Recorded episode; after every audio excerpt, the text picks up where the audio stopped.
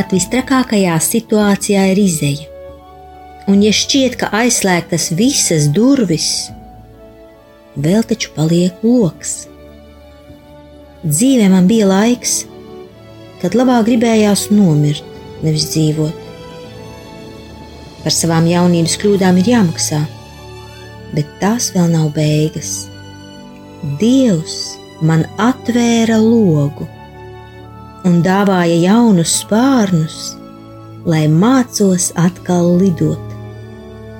Viss ir iespējams, tikai tici, ceri un mīli. Dievs ir ar tevi arī tad, kad tu to nejūti. Es to zinu droši. Laura. Šādi vārdi ir uz grāmatas pēdējā vāka.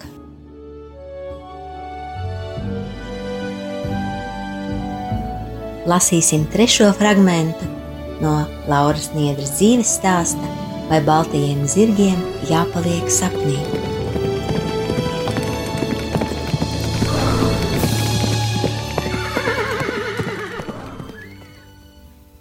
Ir kārtējais darbdienas vakars.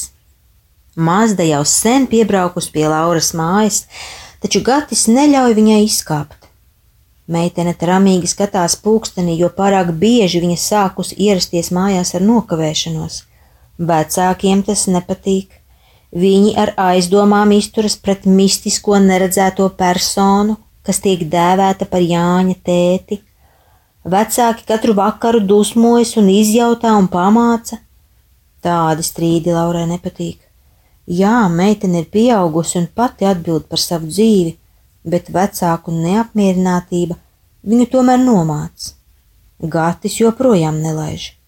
Arī Laurai ir patīkami šajā siltajā mašīnā, tomēr viņa sāk nervozēt, negribas kaitināt vecākus.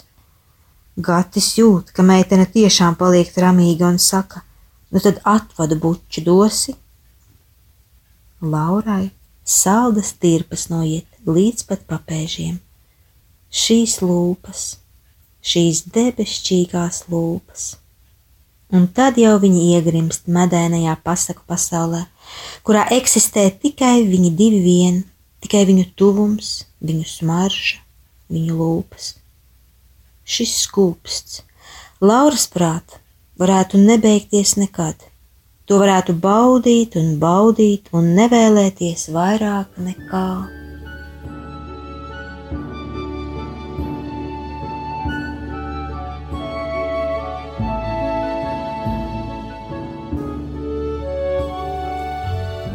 Ceturtdienas vakars. Viņi abi, kā jau norunāts, dodas uz Bībeles izpētes grupiņu. Gatis te jau sāk justies kā savējais. Šodienas tēma - šķiršanās.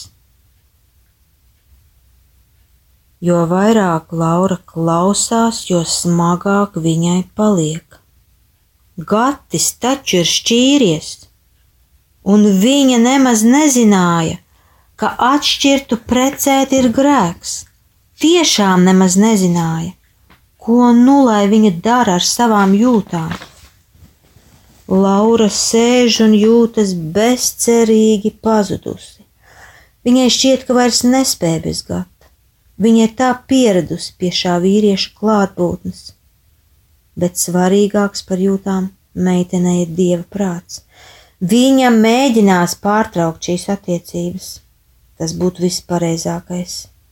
Meitenei vismaz beidzot atgriezīsies sirdsmiers, pazudīs galvas sāpes, viņa atgūs vecāku cieņu. Viņa vairs nejutīsies vainīga pasaules priekšā, kad draudzējas ar 12 gadus vecāku vīrieti. Jā, viss būs daudz vienkāršāk un labāk, jo Laura sen ilgojas pēc miera. Vai tu zināji, ka atšķirtu precēt ir grēks? Meitene jautā, sēžot mašīnā. Jā, bet tas nav viennozīmīgi. Es nebiju vainīgā puse. Sieva pati pieprasīja šķiršanos. Es mēģināju saglabāt laulību, bet viņa negribēja ne par ko. Es biju otrais vīrs, tagad viņai jau ir trešais. Uz mūsu gadījumu, Laura, šis Bībeles pants neatiecas. Meitene tomēr šaubās. Viņa grib skaidri zināt, vai viņu laulība ir iespējama. Lauras sirds nojauš, ka viņiem labāk šķirties, noteikti labāk šķirties. Tikai visu laiku nav bijis iemesla pārtraukt šo neparasto pasaules nepieņemto romānu. Mazda pieripo pie meitenes mājas. Smagie vārdi negrib un negrib nākt pār lūpām. Laurai tik grūti. Viņa taču ilgosies pēc gata katru minūti. To viņa zina skaidri. Vīrietis gaida. Viņš jūt, ka meiteni nomokas smagas pārdomas. Beidzot, Laura tomēr saņemas un nočukst. Nezvani man, lūdzu, vairāk. Tā būs vispareizāk.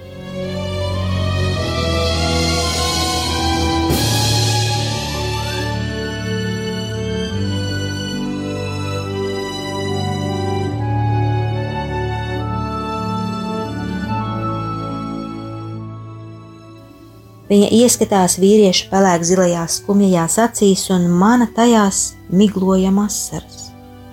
Jābēg, jo drīz arī Laura vairs neizturēs. Bez atvadu skūpsta viņas steigšus izkāp no mašīnas un aizskrien tumsā. Smagums ir nepanesams. Laura nespēja atrast sev vietu. Viņa nervozi rosās pa dzīvokli un domā par gatu. Varbūt viņš tomēr nepaklausīs un piezvanīs. Varbūt Laurai prātā stāv noskumušās, aizmiglotās gata acis. Meitene nespēja izturēt, ja kāds viņas dēļ skumst, tas viņu plosa gabalos. Arī pašai ilgas, arvien pieņemas un pieņemas spēkā ar katru minūti, ar katru sekundi. Gaidas ir ļoti spēcīgas, bet vakars, diemžēl, ir kluss. Jauns darba rīts.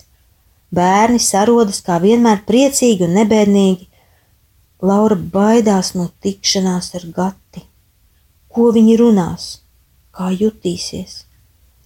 Taču Lauras bažas izrādās veltīgas. Jāni uz bērnu dārzu atveda omīte. Nabaga meitenei Tas ir gan atvieglojums, gan skumjas reizē. Arī vakarā pēc puisēna ierodas omīte, un otrā rītā atkal omīte. Taču šoreiz nabaga vecmāmuļa izskatās ļoti nobažījusies. Kāda acīm redzami smaga sāpe nomoka viņas sirdi. Omīte kautrīgi vēršas pie audzinātājas ar neparastu jautājumu: Vai jūs to manu gati nesat redzējusi? Nē, izbrīnīti atbild Laura. Kas noticis? Viņš jau otro dienu nav mājās, asaras valdīdama saka Omīte. Es ļoti uztraucos par viņu, nezinu, ko domāt, ko darīt, ļoti baidos. Omītes acīs ir vientulība, neziņa, un mīlošas mātes sāpes. Pazudis taču viņas vienīgais dēls, pazudis bez ziņas, bez miņas. Laura cenšas nabaga veco māmuļu nomierināt, bet pašai sirdi kņudina savāds nemiers. Kas gan noticis ar gati? Kāpēc viņš tā rīkojas, atstādams neziņā savu veco māti un dēlēnu? Vai tas viņu šķiršanās dēļ? Svētdiena Laura kā vienmēr ir baznīcā. Viņa ir pieradusi, ka pēdējā solā sēž Gatis. Tāpēc ļoti, ļoti cer, ka viņš ieradīsies arī šoreiz. Viņa ir satraukta un noilgojusies, bezgalīgi noilgojusies, bet gata nav.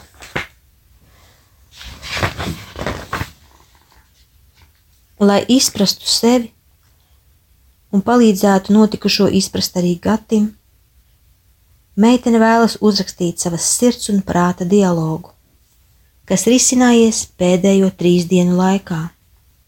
Laura paņem papīra lapu un uzraksta virsrakstu. Sirds un prāta dialogs. Šķiršanās vakars gata mašīnā. Prāts. Pasaki viņam, ej!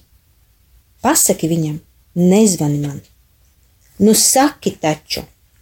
Vai tu nesaproti, cik viegli tev paliks? Ko tu esi ieguvusi no viņa? Galvas sāpes, sirds nemieru, tēta un mammas novēršanos, sāpes, sāpes un sāpes. Sirds. Bet es nevaru to pateikt, nevaru. Es gribu viņu paturēt, man viņu vajag. Vai tad tu esi ar kādu jutusies tik labi, tik silti, vai esi pēc kāda tā tiekusies? Prāts. Jā, bet tu jau sirds vienmēr esi bijusi neprātīga. Tu labāk padomā, kam tev vajadzīgs 12 gadus vecāks vīrietis ar bērnu, un vēl pie tam ar tādu pagātni cietumnieks, pasaules klaidonis, dezertieris, kas nemirkli nespēja uzturēties vienā vietā. Sirds. Nē, sirds nemēdz domāt, tā jūt. Tas ir viņas uzdevums just, un viņa jūt, ka mīl šo bērnu. Viņa jūt, ka pagātne paliks tikai pagātne, vai tad svarīgāka nav tagadne? Prāts. Ir jau ir. Es skatos, tu sirds esi sākusi prātot, nelien manā lauciņā. Domāt, tas ir mans uzdevums. Un varu tev atzīties. Gatis šobrīd šķiet mainījies. Zinu, ka viņš ir daudz cietis, tāpēc arī iespējams daudz mainījies. Es viņu redzu kā patiesu kristieti. Sirds, nu ko tad Tu, tu vēl prātos saki viņam, ka gaidīsi viņa zvanus. Tu taču zini, ka gaidīsi. Prāts. Jā, zinu. Bet negribu, lai šīs attiecības rada naidu ģimenē. Padarot daudzus nelaimīgus un niknus, vai tad tu spēsi būt laimīga? Es domāju, saki, ka negaidīsim viņa zvanus. Nomierināsim ģimeni un varbūt tu pats sapratīsi, ka spēj bez viņa iztikt. Sirds, varbūt tiešām spēšu bez viņa iztikt. Vajadzēs gan tā teikt, lai būtu laiks apdomāt un sakārtot savas emocijas un aprunāties ar kādu mācītāju. Prāts. Nu tad saki, saki ātri, viņš taču gaida. Redzi, jau kļūst dusmīgs par tādu nenoteiktību. Sirds, Ai, ai, es nevaru. Ar visiem taviem loģiskajiem prātojumiem nevaru. Ai, kā sāp! Bet tomēr mēģināšu negaidīt viņa zvanus.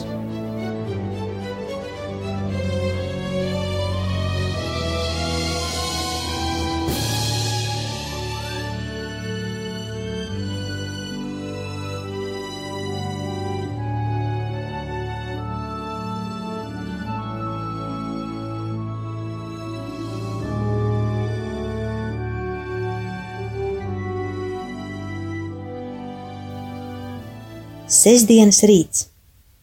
Sirds. Gribu viņu satikt, gribu viņu redzēt, man slāpst. Prāts.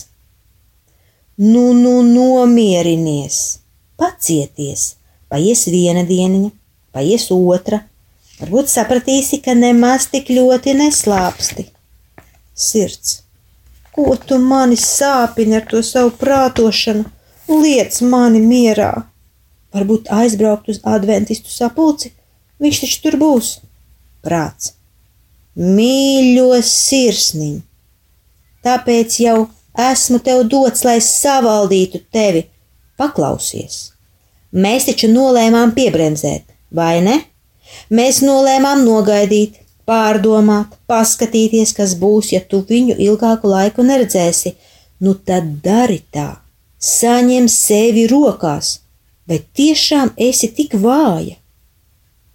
Sesdienas vakars, sirds, varbūt viņš tomēr piezvanīs. Prāts, tu gribi, lai viņš netur vārdu? Tu taču lūdzi viņam nezvanīt. Priecājies, ka viņš tev klausa, un beidz sevi mocīt. Svētdienas rīts. Sirds. Lūdzu, lūdzu, mīļais Dievs, kaut gatis būtu baznīcā. Prāts. Lūdzu, lūdzu, mīļais Dievs, kaut gatis nebūtu baznīcā. Sirds. Ko tu tur lūdz? Traks esi vai? Es neizturēšu vēl veselu dienu bez viņa. Prāts. Es vienkārši tev palīdzu. Tu taču zini, ka tā būs labāk gan tev, gan viņam. No viņa puses būtu muļķīgi tagad šeit nākt.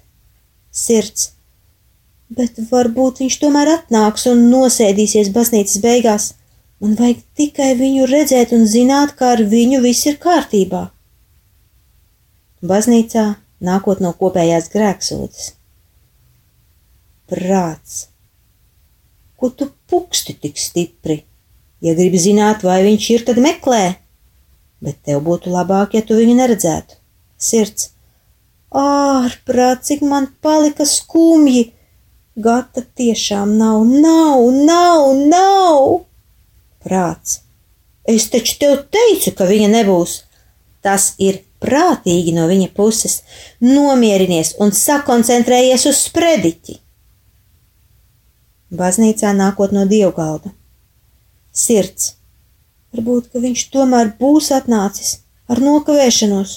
Kur viņš ir? Prāts. Redzi taču, ka nav. Vai tu neesi galīgi slima palikusi? Sirds. Laikam esmu. Nespēju sevi kontrolēt drausmīgs vājums. Vienu brīdi pat slikti palika. Prāts. Pati vainīga. Nedomā par to. Nē, es taču nekāda maziņā. Gan jau izturēsi.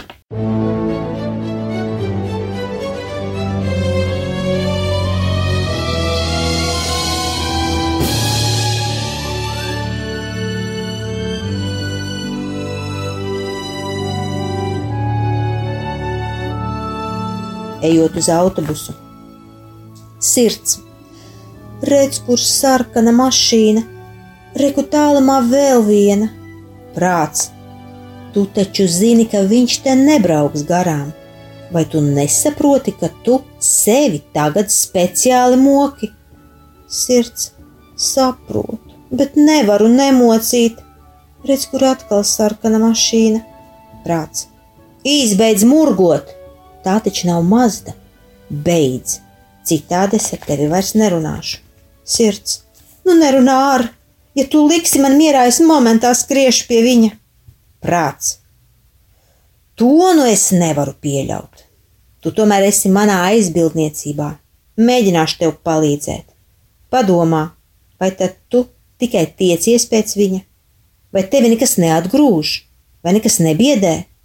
Sirds, ir jau dažas lietas. Nu, nu, pirmkārt, es nekad negribētu laulāties adventistu baznīcā, negribētu, lai tur tiek kristīti mani bērni. Prāts, tiešām? Bedgātim tas noteikti ir svarīgi. Viņš diez vai piekritīs tev. Sirds, šajā jautājumā es negribētu piekāpties. Negribu iesaistīties kaut kādā mazpazīstamā sektā. Tas nu ir viennozīmīgi. Varbūt tiešām viņš nav domāts man? Prāts. Nu, redzi, pati jau tā sāc domāt, esi nākusi pie prāta? Sirds. Nē, nē, sirds nedrīkst domāt, tā drīkst tikai just. Es ticu, ka viņš mani saprastu un piekāptos. Prāts. Nu, labi, labi. Labāk padomā, cik vajadzīgs tiešām tev ir gatis un uzraksti viņam šīs pārdomas. Sirds, jā, es ļoti, ļoti gribu viņam uzrakstīt. Kaut tikai viņš rīt atvestu Jančuku uz bērnu dārzu. Es nezinu, vai tas ir tas cilvēks, kurš man bija jāsatiek, bet zinu, ka viņš man ir vajadzīgs. Dīvaini, bet tas tā ir.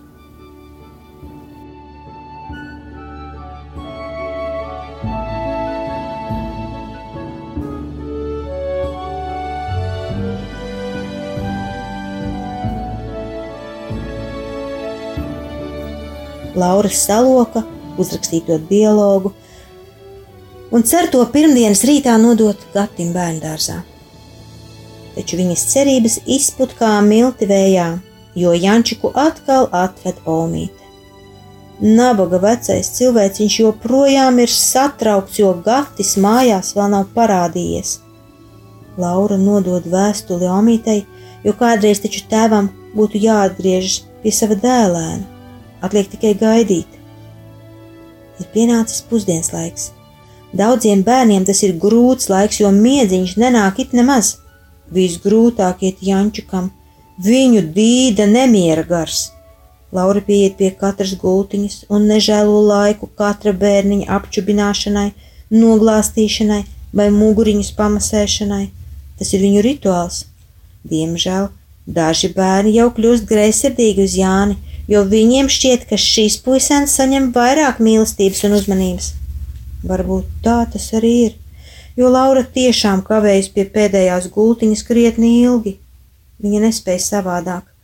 Meitene stāv un skrubina Jāņa muguriņu un domā par šā puisēna dzīvi pagātnē, tagadnē un nākotnē. Cik skarbs iesākums Jāņa trauslījai dvēselītei, tikt aizvestam prom no māmiņas, no ģimenes, no dzimtās valodas, ierasties svešā zemē, tikt atstātam mazpazīstamas omas uzraudzībā, runāt tikai svešā valodā un visbiežāk tēti mājās neredzēt. Bet, ja redzēt, tad ar siksnu rokā, jo Oma ir pasūdzējusies, ka netiek ar puišeli galā. Cik bieži Jānis esot ieradies bērndārzā ar pamatīgiem zilumiem pa visu ķermeni, Šausmīgi klausīties, kādas lietas grupas auklītes stāsta. Laura pa draugam bija centusies iedot Gatim izlasīt brīnišķīgu grāmatiņu, kā patiesi mīlēt savu bērnu, bet Gatis to mājās nometis plauktā un aizmirsts. Jā, viņš nav labs tēvs, to Laura redz un saprot, bet vai tāpēc Jānim jāizaug bez mīlestības? Laura joprojām glāsta Jančika muguriņu. Puisēnam patīk, un viņš nemaz netaisās iemigt. Pēkšņi Laura dzird smagus, lielus soļus ienākam grupā. Kas tad tas? Gatis? Laura viņu nepazīst. Tas ir pilnīgi svešs vīrietis ar bārdu noaudzis, noņurcītā apģērbā. Dzēris, dzēris, gatis dzēris. Gatis taču nedzer ārprāts, kāds viņš izskatās, tik nožēlojams, tikai acīs kaunīgs, laimīgs mirdzums. Paldies, tev, Laura, par tavu vēstulīti. Man bija smagas dienas, bet tas vairs neatkārtosies. Es biju zaudējis galvu tevis dēļ, bet nu būs atkal viss labi. Laura aiz pārsteiguma nezina, ko teikt. Viņa ir laimīga, ka Gatis atradies. Viņai žēl šā noskumušā cilvēka, un sirdī plaukst liels, liels mīlums. Tas bija trešais fragments no Lauras Niedra dzīves stāsta, vai baltajiem zirgiem jāpaliek sapnī.